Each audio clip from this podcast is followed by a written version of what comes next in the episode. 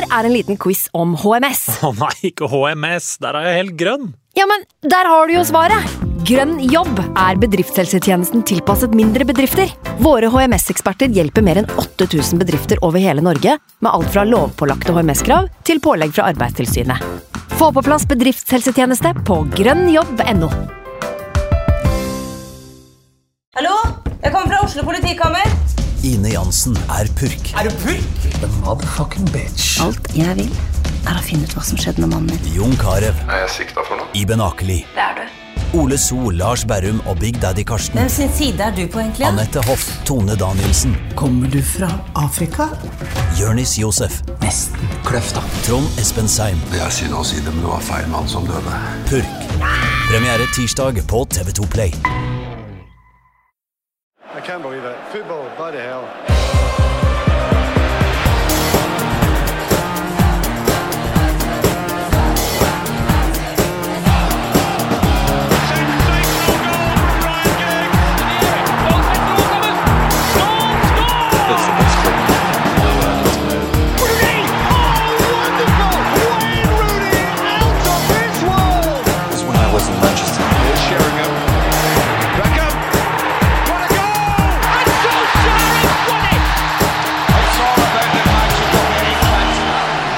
Velkommen skal du være til en ny utgave av United We Podcast. Jeg heter Kenvas Enus Nilsen. I dag så har jeg med meg journalist Anders Serener. Hallo, Anders. God dag, god dag. Godt å ha deg på plass igjen. Eh, Vi har også sportsdirektør ved NTG og vår mann på kampanalyse, Øyvind Eide, innom. Hallo, Øyvind. Takk skal du ha. Hei. Ehm, Jeg tenker Vi kan begynne med å spørre deg, eh, Øyvind, siden eh, du ikke har vært eh, så mye og snakka om Cristiano Ronaldo og Manchester United anno denne sesongen her. La oss begynne med eh, det du har sett av United til nå. Eh, Hva kan man si om spillestilen til Manchester United? Hva er, hva er eh, Hva skal man kalle det? Hva er DNA-et? Hva, hva er det de prøver på? Hva er det de prøver på? Ja, og det, det der er jo litt sånn Det har vært mye kritikk seg i en del ekspert uh, i studio osv. Som, uh, som kritiserer United. Og jeg gjorde jo en analyse på hvordan United spiller mot 4-4-2-lag når de møtte Aston Villa. Og uh, man ser jo noen klare trekk som de gjør, men de rammene som Solskjær har satt, de er jo ganske vide. Og det er ganske mye frihet innafor det. Eh, De rammene ser vi er mye tightere for, eh, for en Klopp med Liverpool, f.eks. Og, Pep også, og Diego Simione med Atletico Madrid. Altså det er, det, er- ikke noe, hvis du går ut på spiller eh, for Atletico Madrid, så veit du hva du skal gjøre. Både i forsvar og angrep. Det er det ikke noe tvil om. At det er like klokkeklart for den United-gjengen, det er jeg ganske sikker på at det ikke er. Og så er det jo sånn at hva, hva er, er det noen fasit her? Det, det er det jo ikke. Altså Fotballen har jo ingen fasiter. Men jeg er jo fan av at noe er mer satt enn annet. For det gjør at i visse situasjoner så er noe mer riktig enn annet når man coacher det. og og, og det, det er, da er det mye enklere å gi tilbakemelding til spillerne, og mye enklere å få de til å, ja, til å rett og slett gjøre det som, som man burde gjøre da, i de ulike situasjonene. Eh, Men eh, for å svare på det spørsmålet ditt, da, så er det jo litt sånn Det har kommet en spiller til eh, etter at de hadde oppkjøringa si, Ja. og på en måte har satt litt hvordan United skal se ut i år. Og Han bringer jo med seg en spisskompetanse som få i verden har, og det er selvfølgelig å være målgjører. Mm. Og han eh, kan være matchvinner, han, som vi så senest nå mot eh, Atalanta. Og eh, da har United matchvinner i mål, for det må jeg si om EDG nå, sånn som han har spilt. Eh, Det er få keepere som er bedre enn, selvfølgelig er det sikkert én og to, men det er ikke sånn at noen er vesentlig bedre sånn som det er nå. Og så er det matchvinner på topp med Ronaldo. Og da er spørsmålet hvordan skal United se ut mellom 16-meterne? Og jeg tror det er der en del United-supportere har litt eh, frustrasjon nå, da, fordi de, de ser at sånn som Liverpool de opptrer på en helt annen måte enn det United gjør. Eh, Og det kan jeg være enig i. Og hvis vi begynner med forsvarsspillet, da, så kan vi si at eh, der lider de veldig under at Ronaldo er i laget. De har ikke greid å finne ut hvordan laget skal forsvare seg med Ronaldo på banen. Eh, Og det så vi litt mot Atalanta nå, at når det blir balltap f.eks. høyt i banen, så er det ikke noe gjenvinningspress fra United, fordi Ronaldo gjør det ikke, eller omstiller for seint, eller et eller annet. Så da kan de eh, som vinner ballen hos Atalanta, de kan utfordre neste ledd med en gang. De kan være rettvendt og gå fram i banen med ball. Og Det er jo en kinkig situasjon, for da må forsvaret til United begynne å forholde seg til løp som går i bakrom, og de som er i mellomrom. Og Da blir det strekk i laget, og det var det vi så litt mot Atalanta. at Da ble det kjempetrøbbel på de, i de situasjonene der. Eh, Når vi ser en Kavani eksempel, som presser i stedet, eh, knallhardt, så må kanskje Atalanta spille på tvers eller bakover de første to-tre sekundene etter at de vinner den. Og da rekker United å samle laget sitt. Og det er litt det som skjer i det overgangsspillet der, at eh, United greier ikke å samle laget, for Ronaldo legger ikke det presset. Mm. Og så har jo United vært eh, godt kjent nå for å ha et eh, høyt og aggressivt press, også gjenvinningspresset. Eh, De er veldig smale med laget sitt, og det er de fortsatt, men de mangler toppresset. og Det gjør det jo veldig farlig å presse så høyt, da. For da er det jo egentlig, hvis noen får to sekunder med ballen, så vendes jo hele United-laget bort. Det ser vi også at, eh, at skjer. Så der må United finne ut, eller Solskjær må finne ut, hvordan de skal forsvare seg med Ronaldo i laget.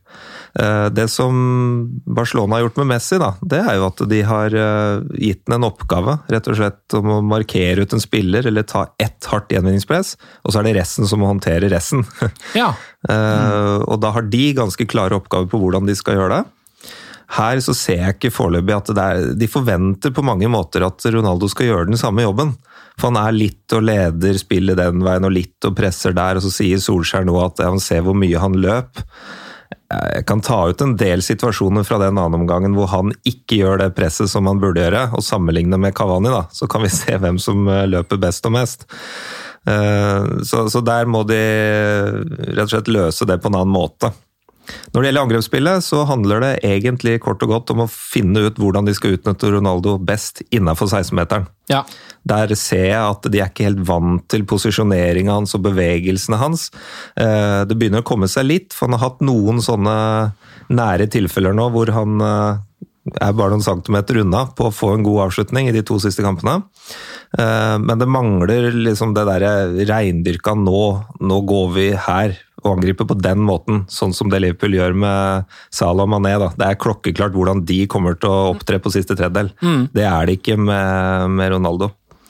Uh, og Så savner vi jo at det skjer flere ting samtidig. Da. Det var den store forskjellen mellom første og annen gang mot Atalanta. Det var at det var flere bevegelser samtidig. Det var spillere som gikk på løp, og det var spillere som etterfylte hverandre. Det vil si at én tar én bevegelse, og så kommer neste inn i det rommet som den første spilleren har etterlatt. Eh, Det skjedde ikke i første gang. Da sto de, og det gikk, og det ble spill på fot. Men når du får bevegelser som etterfyller hverandre, sånn som i andre gangen, så kan de spille både på én og to, og kanskje tre bevegelser samtidig. Og da hadde Atalanta kjempetrøbbel. Så det er den store forskjellen mellom de omgangene. da. Jeg vet ikke, Anders, eh, om du er enig i det, men jeg har en slags sånn følelse av at Manchester United eh, per nå, de på en måte mm, agerer ikke, men heller reagerer. Altså, Det må skje noe, så kan, kan de komme med en reaksjon. Altså, Men start, altså kampplanen fra start ser jo veldig ofte ja, i hvert fall mildt sagt forvirrende ut. Ja, de tidvis litt sånn paniske. Nå, nå, nå var det så mye kunnskap her at jeg må, liksom, jeg må fordøye det. Eh. Jeg har bare lyst til å spørre eh, for, Som du sier, altså Liverpool for eksempel, her på søndag de kommer til å gå ut i en veldig klar form, og vi vet allerede litt hvordan det kommer til å se ut, med tydelig angrepsspill, tydelig forsvarsspill. Det at ikke United har det nå, etter snart tre år med Solskjær, er det eh, noe som burde bekymre, eller er det på en måte hans måte å gjøre det på? Ja, Hvordan du velger å føle deg rundt det, det får du tenke på. Men eh, det er jo ikke noe fasit, fasitsvar på det, som sagt. Men jeg tror ikke vi kan forvente oss at det blir noe annet. Nei? Eh, Han er tydeligere i forsvarsspillet enn i angrepsspillet. Eh, Men vi, jeg, jeg tror ikke vi kan forvente at her vil det plutselig komme noe som eh, revolusjonerer den offensive spillestilen til United. Han er, eh, Sånn var han jo i Molde òg, at han liker frie rammer innafor en viss sånn prinsipper da, ikke sant, som de, som de kjører på. Prinsipper det kan være f.eks. at kantene kommer inn og bekkene rundt. Det kan være en utgangsposisjon, og så må spillerne løse det derfra. Det, det kan hende at det er så enkelt. Eh, For meg så er ikke det bra nok, da. Eh, Det ser vi på City òg, ikke sant. Når Graylish kommer dit med de egenskapene han har. Han må fylle en rolle, og den rollebeskrivelsen er ganske klar og tydelig. Men, men sånn er det ikke helt her. Når Sancho kommer, jeg tror sånn som Sancho òg, jeg tror han trenger mye mer trygghet i det, de, de oppgavene han har. Jeg tror han må vite litt mer nøyaktig hva det er han skal gjøre. Kommer han fra? altså Var Dortmund et sted hvor det er fastere rammer enn det Solskjær gir, tror du? Ja, men se på, se på Haaland eksempel, i Dortmund. Da. Det er jo klart og tydelig hva han skal gjøre. Hvordan han presser høyt, hvor han ligger når det er lavt press. For han skal være kontringsspiller, ikke for eksempel.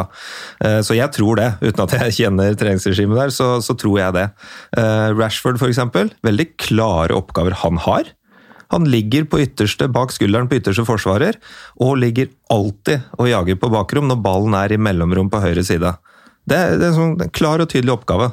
Ja, fordi det, det vi ser mot Atalanta, er jo, da tenker jeg at det er to-tre spillere som vet nøyaktig hva de skal gjøre, og så har du resten som er litt, ser litt rådville ut. da. Og da blir det jo sånn reagere på skåringer kanskje heller enn å være proaktive. da.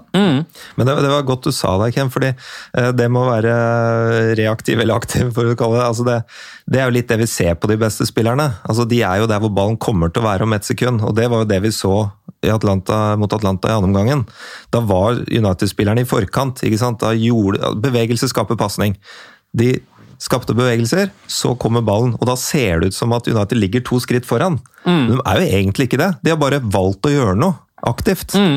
Og det, det skiller de omgangene veldig. Da. Og det, det, som, det som bekymrer meg, da, hvis vi skal bruke det ordet, det er at eh, de til stadighet blir tatt litt med buksa nede, og så må de gjøre noe ekstra for å snu det. Det begriper jeg ikke at de gidder gang etter gang. Nei. Nei, eh, det er jo litt merkelig det der. Det, er, de, um, det tar jo alltid litt tid før Manchester United, i hvert fall denne utgaven av Manchester United, kommer i gang med matcher. da. Og noen ganger så er det jo da for seint. Eh, Rett og slett. Men så har de jo også andre ganger hvor, de, ehm, hvor det nesten er omvendt, sånn som mot Leicester, som er en eh, kamp vi skal eh, gå gjennom nå. Det er to kamper som har blitt spilt siden eh, sist. Det er Leicester og det er Atalanta. Vi skal gå litt gjennom begge to. Mest fokus på Atalanta, men litt, ja, litt kjapt om Leicester-matchen også. Der får jo United på mange måter en drømmeåpning. Greenwood banker inn en kanon fra avstand. Vet ikke hvor mange meter det var, er 20 meter eller noe? Rundens målavstand. Ja, det var en et, et perleskåring fra Mason Greenwood. Stang inn etter eh, 19 minutter. Bruno Fernandes får seg en frekk assist på den, selvfølgelig. Eh, Bare en sånn ta ballen, du, eh, og så Gjør noe. så gjør noe, så blir det mål, liksom. Um, men så er jo Harry Maguire inne eh, etter skade. Eh, virka vel kanskje, jeg vet ikke hva dere tenker, da, men for meg så var det litt sånn Han burde kanskje ikke ha starta den kampen. Hadde vel ikke gjort det hvis det var noen alternativer heller. Nå var jo Varan ute.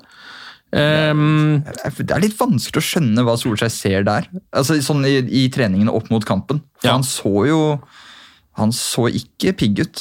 Nei, han så jo ikke kampklar ut. Han... fysisk er jo én ting, men mentalt er jo også noe annet. Eh, han står jo og venter på en ball der. Det er sånn Det er barnefotball, på en måte. Eh, Ja, det, på det, ja, på, ja. ja, på 1-1-målet. ja, ja, uff a meg. Som jo er liksom en sånn eh, De tabbene der gjør altså sånn, går, Da går jo kampen fra å være en kamp hvor de har sånn relativt kontroll, da, til å være full panikk igjen. eh, Rett etter at de har scoret, nesten. Det, er eller sånn, det tar ti minutter eller noe sånt. da. Mm. Tilemanns lobber ballen bort i hjørnet. Det er jo også en sånn, jeg tror expected goals på den der er vel eh, 0,0, eh, men den sitter jo i krysset, den. Det er vel et innlegg. Ja, det, er, ja, det kan hende, det òg. Ja, Det sier jeg, altså. Det veit man aldri helt med Jule så han er en liten frekkas, altså. Eh, Men uansett, der, der står det 1-1, da. Og så står jo det resultatet står seg lenge, helt fram til eh, det er tolv minutter igjen av ordinær tid. Da slipper Manchester United, som nesten alltid, inn på en corner. Jeg vet ikke om det er noe du har sett mye på, Øyvind, men uh, hvor vanskelig det skal det være å ordne opp i det der? da? Det er, altså En corner er jo i utgangspunktet Det er i hvert fall en lett situasjon å trene på, vil jeg tro, for den er jo det samme hver gang. Ja, og corner, vet du, corner betyr ikke mål. Det er, det er egentlig det stikk motsatte. Eh, Jeg så en statistikk for noen år siden, nå er den litt gammel, men allikevel, vi kan tegne et bilde på det. Eh, For noen mesterskap, eller for noen VM siden, så, så ble det skåra på én av 52 cornere. Ja. Eh, Og hvis man trener veldig mye på å score mer på corner, så kan man kanskje komme ned i Jeg tror eh, Norge under Drillo, de var veldig gode på cornere, og dødballer generelt. De skåra jo på hver tolvte. Og det er klart, tolv cornere som United har imot, det er, det er jo noen kamper da, før det er tolv cornere mot United. Sånn at, eh, at de skal slippe inn så mye mål, det er, det er veldig rart. og det nå har de jo en egen trener ansatt òg. Jeg regner med at den er også ansatt for å ta defensive dødballer. Håper det. Ja, det får vi håpe. Og nå har de jo en del spillere også etter hvert som er eh, bra i luftrommet.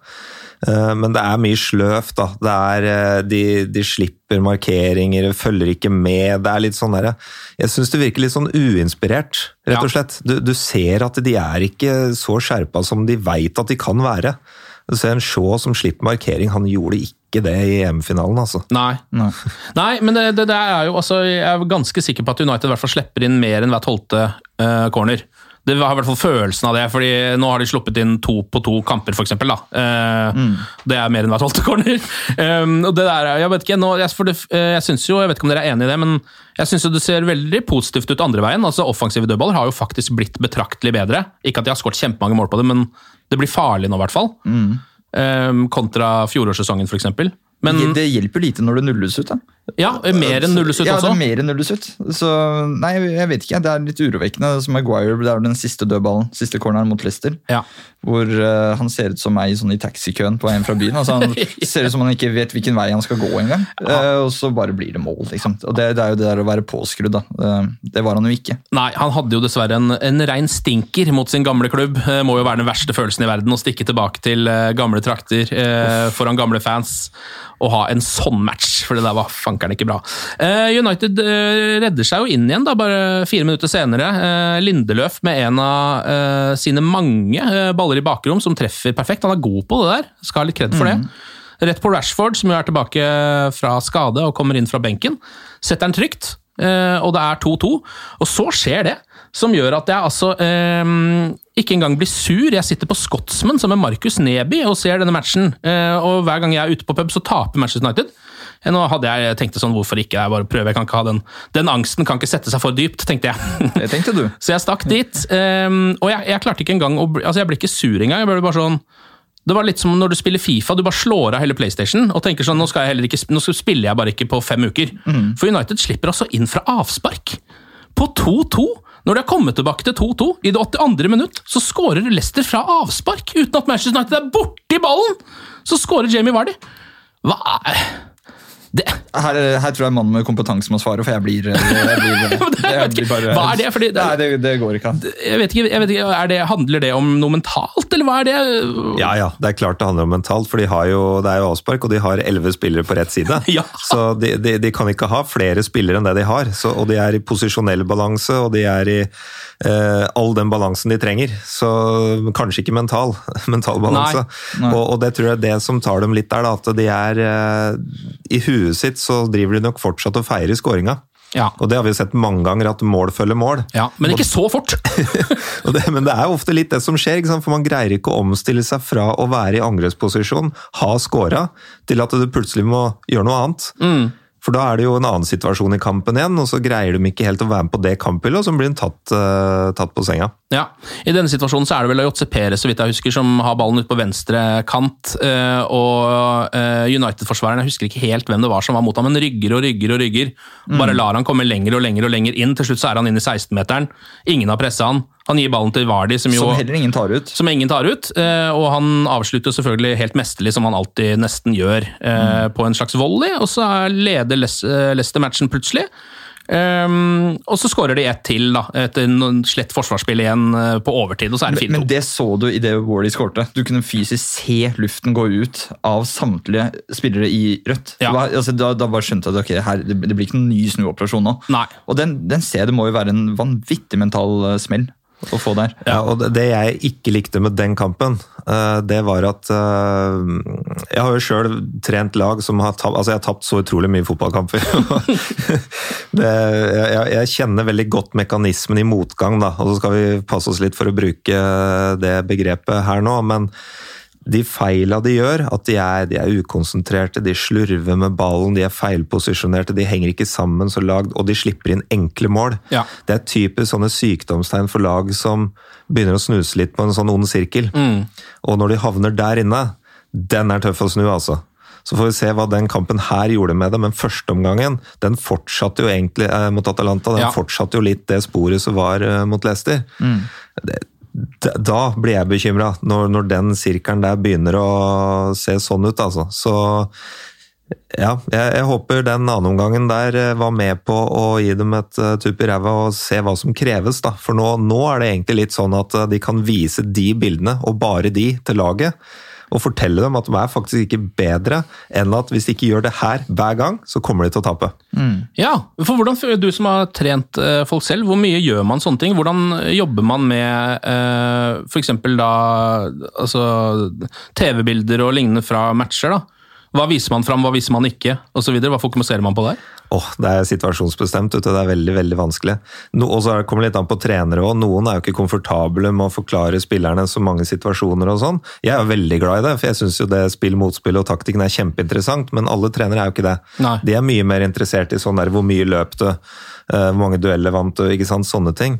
Men jeg kan ta akkurat det jeg sa nå, da. Eh, New England Patriots trener jo av, eh, trenes jo av Bill Belichick, som blir regna som kanskje verdens beste trener uansett idrett.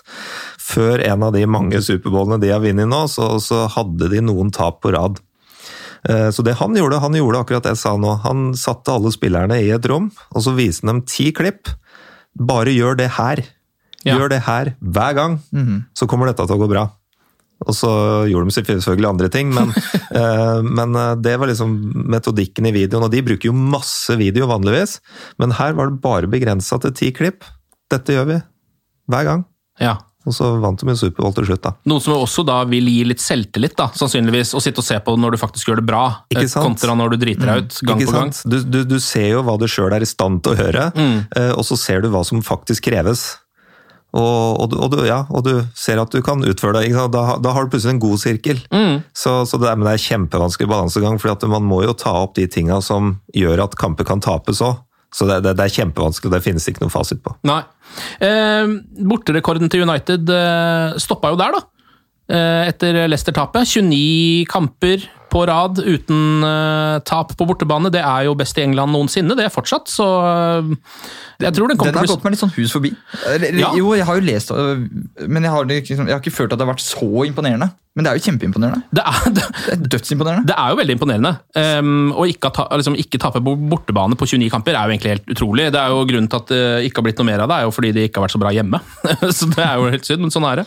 Uh, men det er jo en hjemmekamp vi skal til. Uh, Champions League, Atalanta venter uh, Manchester United på Old Trafford. Det er en kamp United må vinne av flere grunner, både for å komme seg videre i Champions League. Um, Solskjær må i hvert fall vinne den for å ikke havne helt ut på glattisen når det kommer til å beholde jobben sin, rett og slett. Og når man ser på hvor opp og ned det går, så er det vel også en kamp man mentalt må vinne, for å i det hele tatt klare å liksom holde jeg vet ikke, eh, ha litt heng på sesongen, på en måte, eh, før man skal møte Liverpool. Det starter jo da helt forferdelig, selvfølgelig, for sånn er det jo når Manchester United skal ut og spille. Eh, 1-0, Pasalic etter 15 minutter. Eh, ganske enkelt mål, føler jeg. Eh, kommer seg forbi på høyre. Eh, en avskrevet Chelsea-back eh, lurer hele United-laget. Legger han inn til Pasalic, som kommer på et, han er jo ikke spiss, han kommer fra dypet på et løp som ingen tar opp. Selvfølgelig, ingen som får med seg det. Enkelt bare setter han inn der, liksom. Så så enkelt ut. Det så veldig lett ut. Å, så lett ut. Det, er, ja, det så altfor lett ut. Eh, og så har Fred en ganske stor sjanse, eh, ikke så lenge etterpå. Um, han får et par ganske store sjanser i løpet av denne matchen, her, Fred faktisk. Ronaldo som kommer seg til linja, eh, ligger han ut til Fred i feltet, som avslutter ganske bra, men eh, dog på keeper, som redder. Um, og United er en sånn, det, Rett etter at de kommer under der, så har de en periode hvor de i hvert fall har en del halvsjanser. Rashford er gjennom et par ganger hvor det er sånn Er det kanskje offside? Vi vet ikke helt. Uh, og så, videre. så det ser liksom ok nok ut. Helt til det har gått 29 minutter, for da skårer Atalanta på corner. Gitt. Sjokk. Shaw som skal markere Demiral. Uh, Demiral, ganske sterk hodespiller. Shaw ikke det. Hva, er, hva tenker du om ta, eh, hva skal man si, markering på hjørnespark? Er det sånn at din beste mann skal ta ut den beste mann? Nei, igjen så er det ikke noen fasit, da, og det er sikkert prøvd utallige varianter. Eh, Men man velger jo i hovedsak mellom å markere eller å spille sone. Og så fort du begynner å ha noen i sone, så er det jo de beste hodespillerne som står i sone. Og det er rett og slett fordi at de skal gjøre én ting, og det er å vinne ballen der. Ronaldo eksempel står i sone. Ja, og Maguire, kanskje? Maguire. Eller, de skal da fritt, fritt gå på ball, de. Der ballen Kun- kommer, der gå går du. Ja. Kun gå på ball. Så Shaw er da han som markerer fordi han ikke er en- den beste hodespilleren, så han skal egentlig ta gå i kropp, ta ut litt, og så skal Maguire komme og heade den unna. Ikke sant? Så når ballen slås i den sona, hvor da Shaw skal markere, og det er en sonespiller der, så, så skal det egentlig være to mot én. Ja. Uh, og hvis jeg husker situasjonen riktig, så dyttes vel den ene sonespilleren litt fram, noe som gjøres at det åpner et rom bak, og så slipper Shaw. Ja, det husker jeg ikke helt. Ja, det er noe sånt. Og så eh, kommer Maguire for seint inn. Er Han kommer inn med hendene der, eh, fordi han er ikke i nærheten med Ja, hodet. og, men det er han sonespilleren foran som egentlig skal være der, og han flyttes jo for lett. Ja. Det, så det er helt, det er, det, men det er altfor dårlig uh, levert av både sone og markeringer der. Det, det blir for enkelt, men eh, det der er jo sånn man må velge. da, altså De som er best i lufta, er ikke sikkert alltid heller er de som er best å markere. så det, det er litt sånn, og hva står man igjen med? Shaw har jo heller ikke noe høyde ikke sant, til å gå opp med noen av de beste hodespillerne, så det der er alltid vanskelig. Men jeg, jeg ser jo nå at det er jo grunn til å være nervøs når det er cornerspark imot. Ja, det er det ikke noe tvil om. Um, og Så får United en mulighet til å gå opp til 2-1 før pause. Uh, Bruno som finner Marcus Rashford med en av sine 40-50 meters uh, baller. Eh, Rashford alene med keeper etter at eh, Nå husker jeg ikke om det var nevnte Demiral som dreit seg ut der, men ballen spretter i hvert fall over en av midtstopperne til eh, Atalanta. Rashford er alene med keeper, men ballen spretter litt, så han må på en måte ta den på en slags, sånn, en slags volley. da. Han må ta den på spretten. Prøver, ser det ut som å liksom få såpass hardt treff at den skal gå i en slags bue over keeper. Det går ikke helt, den lander oppå tverrliggeren, eh, og det føles som en sånn misbrukt sjanse til å ha 2-1 til pause, som jo kunne ha vært helt avgjørende i denne matchen. Som ble det jo heldigvis ikke, da. Eh, Og så er det pause.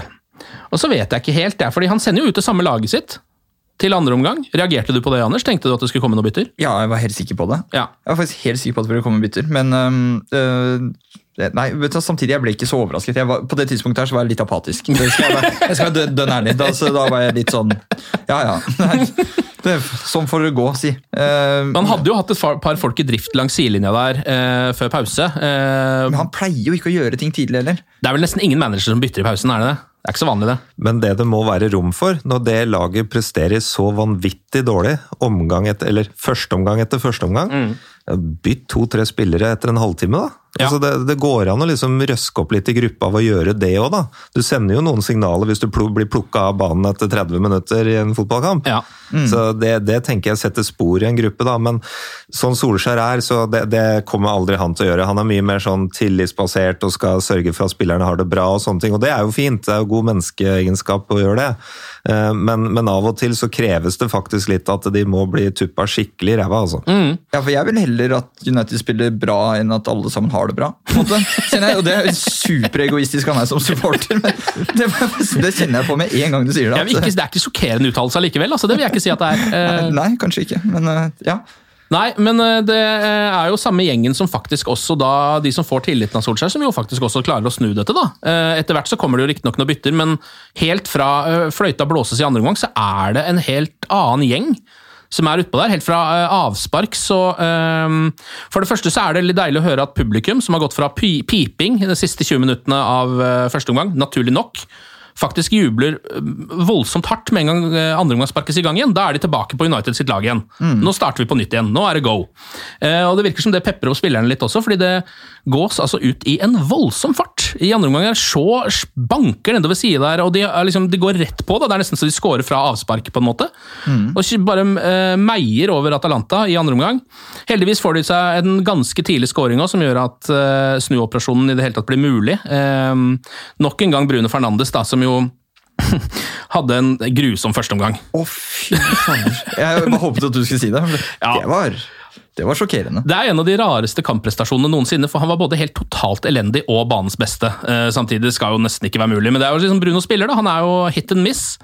Ja, det var voldsomt òg. Han skapte vel flest sjanser i en Champions League-omgang i år. eller noe sånt. Jeg så Ja. noe statistikk på det. Ja. Men han var jo også den dårligste spilleren i Champions League denne, i en omgang. på en måte. Ja. Det er veldig rart. Men, han, men det, er jo, det er jo det samme. Da. Altså, han, han prøver alltid. Han, han gir seg jo ikke med Nei. å prøve. Og det er vel det vi også verdsetter med en, en verdensklassespiller som han. da. Ja, for da kommer det jo også noen pasninger som dette her. Det er ikke sikkert alle hadde fått til dette her. Eh, Den utside gjennombruddspasningen hans der, den er ganske drøy, med litt sånn øyne i nakken eh, også. Vet at uh, han starter ut på kanten her. Han gjør jo det, eh, og han hadde slått den pasningen selv om han ikke hadde starta. Det, er jo det, det er da det blir miss, ikke sant? men eh, nå var det hit. da. Er vi tilbake på det med rolle, da? Altså, det, Der vet jo Bruno at Rashford kommer til å starte. Akkurat.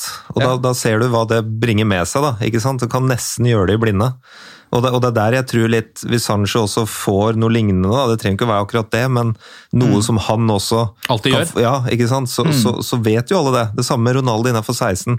Hvordan beveger han seg? Vi vet jo noe om hvordan han liker å gjøre det, ikke sant? Eh, og da da gjør det det enklere for alle. Altså, dette sies egentlig sjøl. Det er mye enklere for oss i studio her når vi vet hva du gjør, Ken. Ja. Mm. Hvis det bare blir overraskelser hver gang, så er det jo vanskelig å forholde seg til. Hvis det er bare hiver revolver, revolverspørsmål på dere hele veien her. Eh, Men det er jo da en nydelig eh, utsidepasning av Bruno Fernandes eh, som Rashford eh, drar med seg eh, gjennom. Og jeg elsker den avslutninga der, for det er, han har en vanskelig vinkel. Eh, Han har en mann som nesten er på vei til å ta han igjen, men den er liksom bare kontrollert, rolig, eh, helt langs bakken, helt borti hjørnet.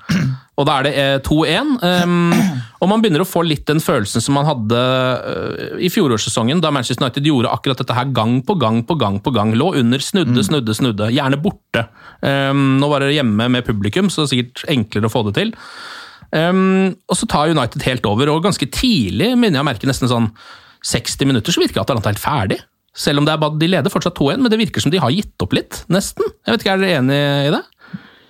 Eh, De hadde i hvert fall løpt da, mye. Ja, de det hadde faktisk gjort eh, den der, det pressarbeidet, så de, kanskje de var rett og slett fysisk slitne også. Men, men de, de, de vet jo så klart hva United har gjort tidligere, så jeg antar at, de, at det lå i bakhodet. Mm. Men uh, her kan sikkert eksperten igjen utdype. Ja, men vi må slippe andre til òg, så du må bare Neida, men det, det som ofte skjer, da altså jeg, jeg tror ikke de De er godt trent. Atalanta er et lag som har ganske mye fart i seg, og de kan gjennomføre det i 90 minutter, de.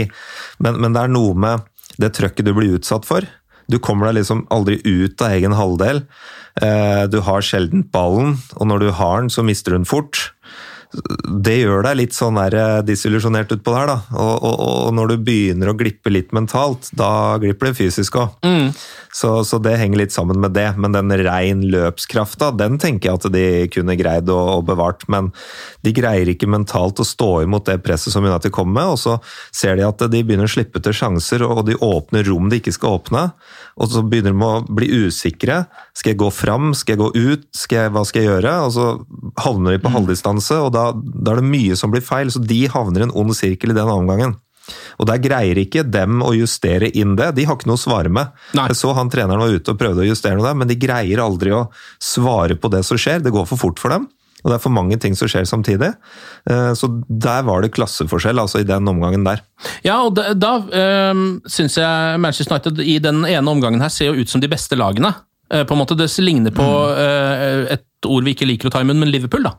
Det ligner på Liverpool, liksom. Det er, eh, det er, det er høyt press, det er fullt fyr i teltet. Selv når det er de få kontringssjansene Atalanta har, som er noen av de sånn ganske farlige, så ser det ikke farlig ut. Av en eller annen grunn, og det er jo selv om det er liksom måte eh, skal være mindre trygt bakover når du har så mange framover. Eh, Så man begynner jo å tenke sånn Er det ikke mulig å starte kampene litt sånn? da? Må man liksom ligge under 1-0, 2-0 for at det skal skje? Ja, men, og, og det der det er et av mine største ankepunkt mot Solskjær. og det er Hva er det de egentlig gjør i forberedelsene sine til kamp? Fordi at de, de møter For å si det vel enkelt, da. Når, når kampen begynner, så er det det ene lags forberedelser mot det andre lagets. Det, det er utgangspunktet. Og der syns jeg for ofte da, at vi ser at det andre laget har forberedt seg bedre enn United. Ja. Både individuelt og som lag. Eh, Men så ser vi en annen ting som jeg har sagt litt før om egenskapen til Solskjær United, og det er at jeg syns de er gode til å gjøre grep underveis. Mm. Vi har sett noen konkrete taktiske grep mot PSG osv., men jeg syns i det store og det hele at de er gode til å justere noe underveis. De får litt kritikk der òg, men det er ingen som treffer hver gang. Det er Nei. absolutt ingen som gjør. Men jeg er mer bekymra for at de bruker så mye tid på trening, og så når de kommer på kamp, så er veldig ofte det andre laget bedre forberedt. Mm. Det syns jeg er merkelig. Ja, og det blir litt tilfeldig om de da kommer inn i kampen igjen, eller treffer til slutt med det som de skal gjøre, da. Eh, Når man kommer såpass sånn skeivt ut hver eneste gang. Eller veldig, veldig ofte, i hvert fall.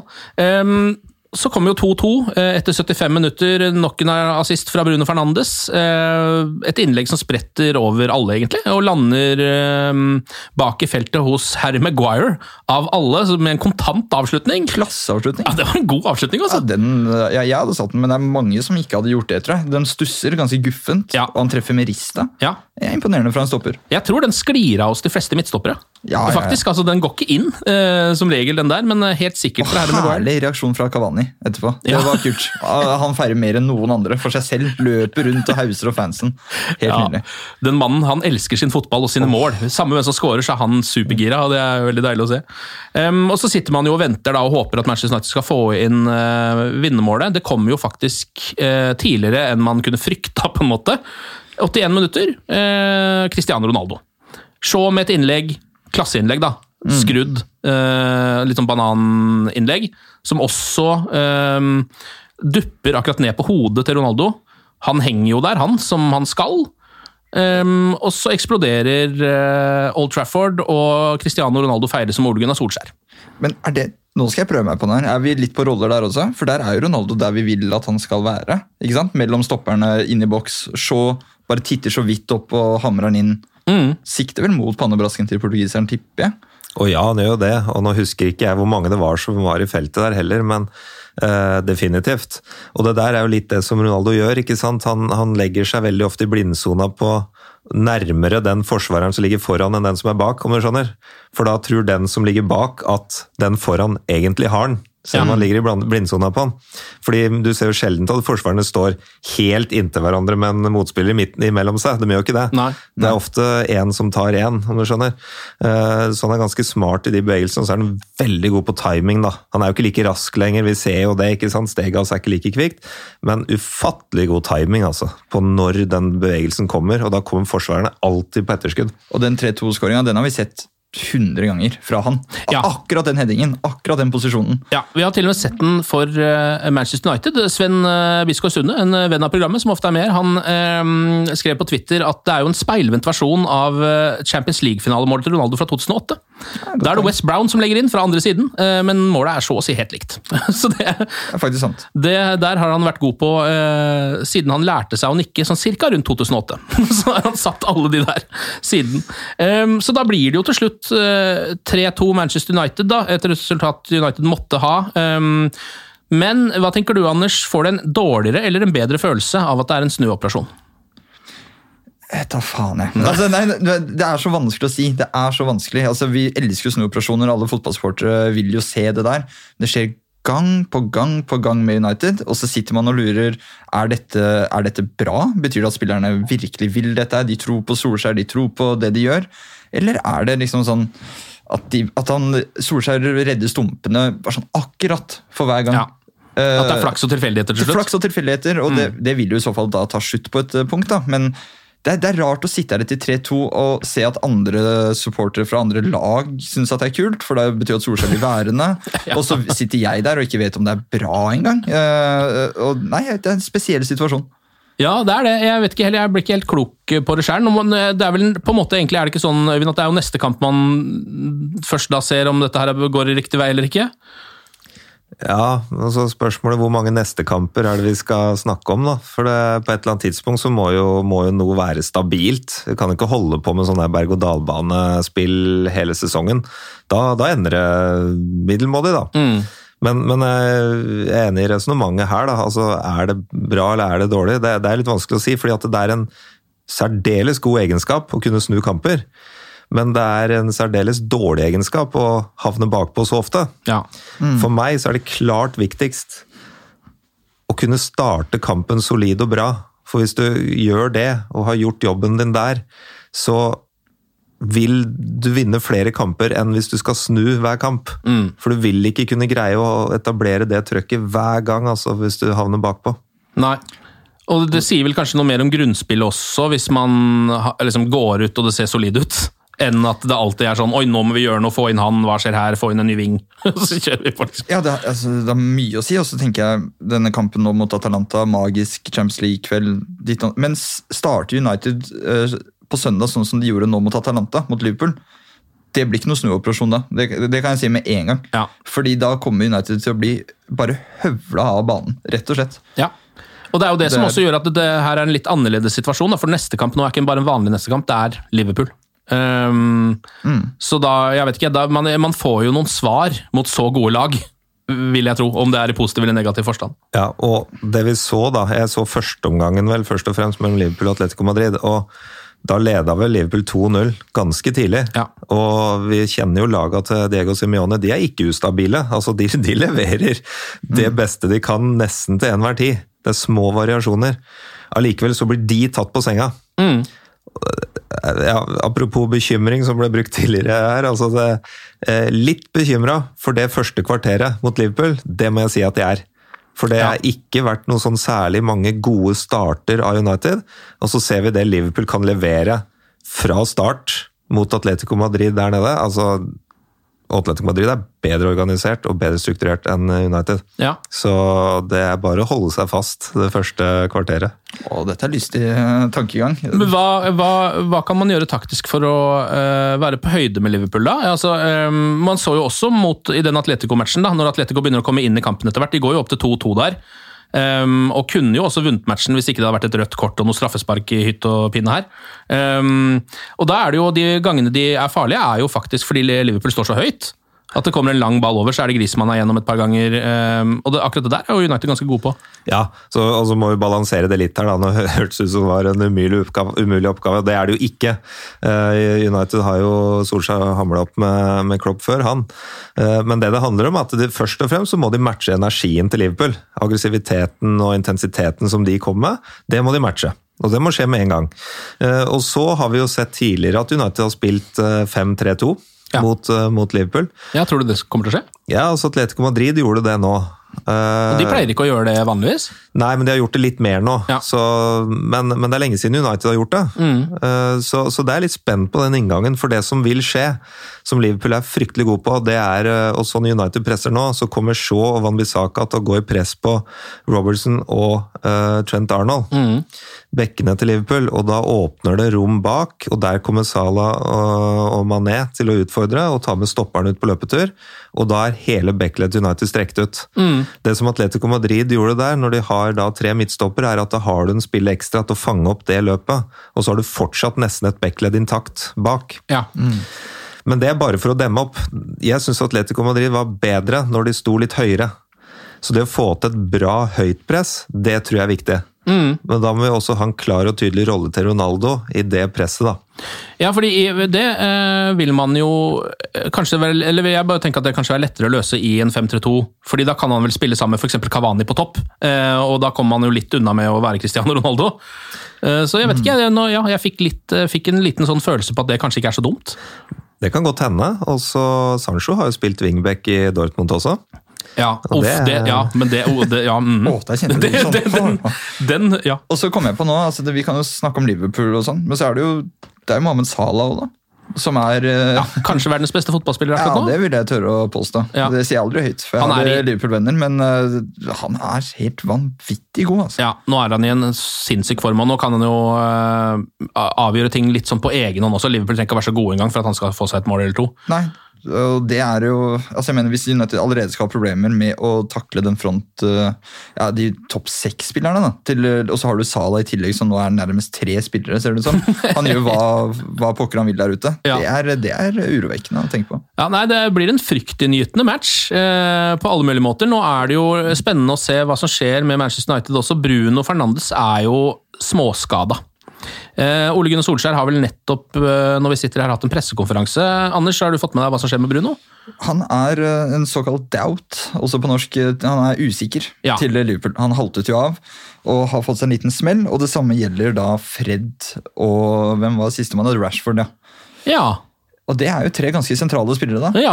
Fred har jo rett og slett øh, Han fikk masse skryt av Solskjær nå øh, på pressekonferansen. Han hadde jo en, eh, hvert altså en god match mot Atalanta, i hvert fall en ja, eh, andre omgang. Eller han er veldig, du ser hvor viktig han er for United, da, rett og slett. Fordi det er ikke så mange andre som kan gjøre den oppgaven han gjør. Han har jo nesten blitt litt viktig for Brasil også, så der skjer det ting. Rashford har jo vært historisk god mot Liverpool. Ja.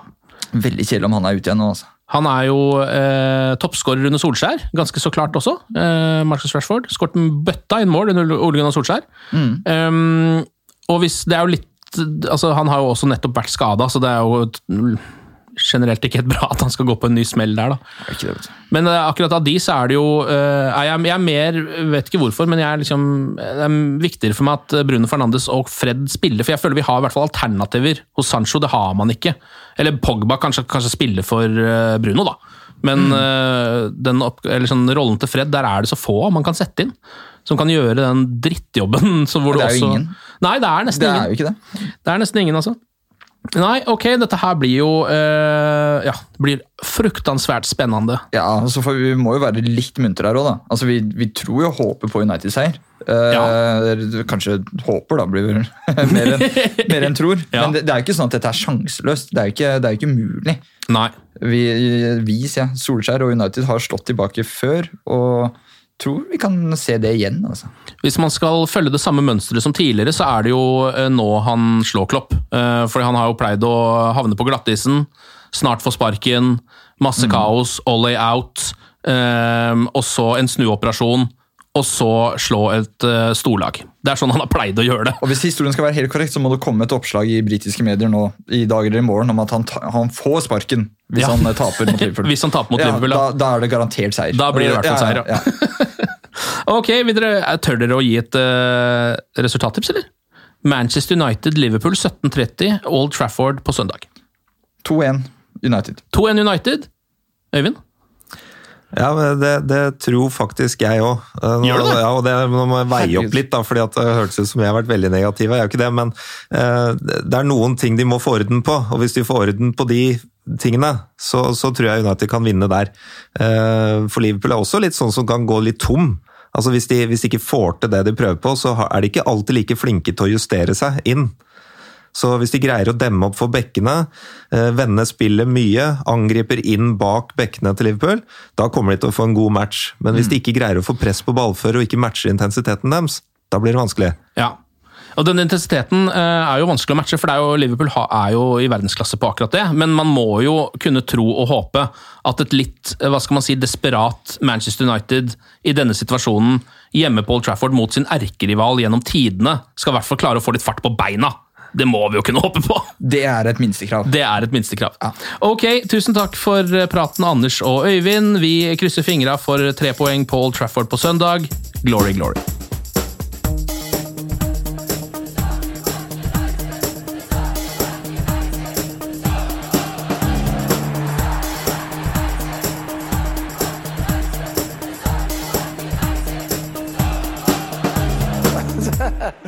It's true. I've seen many things. Moderne media. Ukens annonsør det er matkasseleverandøren Hello Fresh. Der kan du velge mellom 25 ulike oppskrifter hver uke, eller få Hello Fresh til å sette sammen en meny for deg.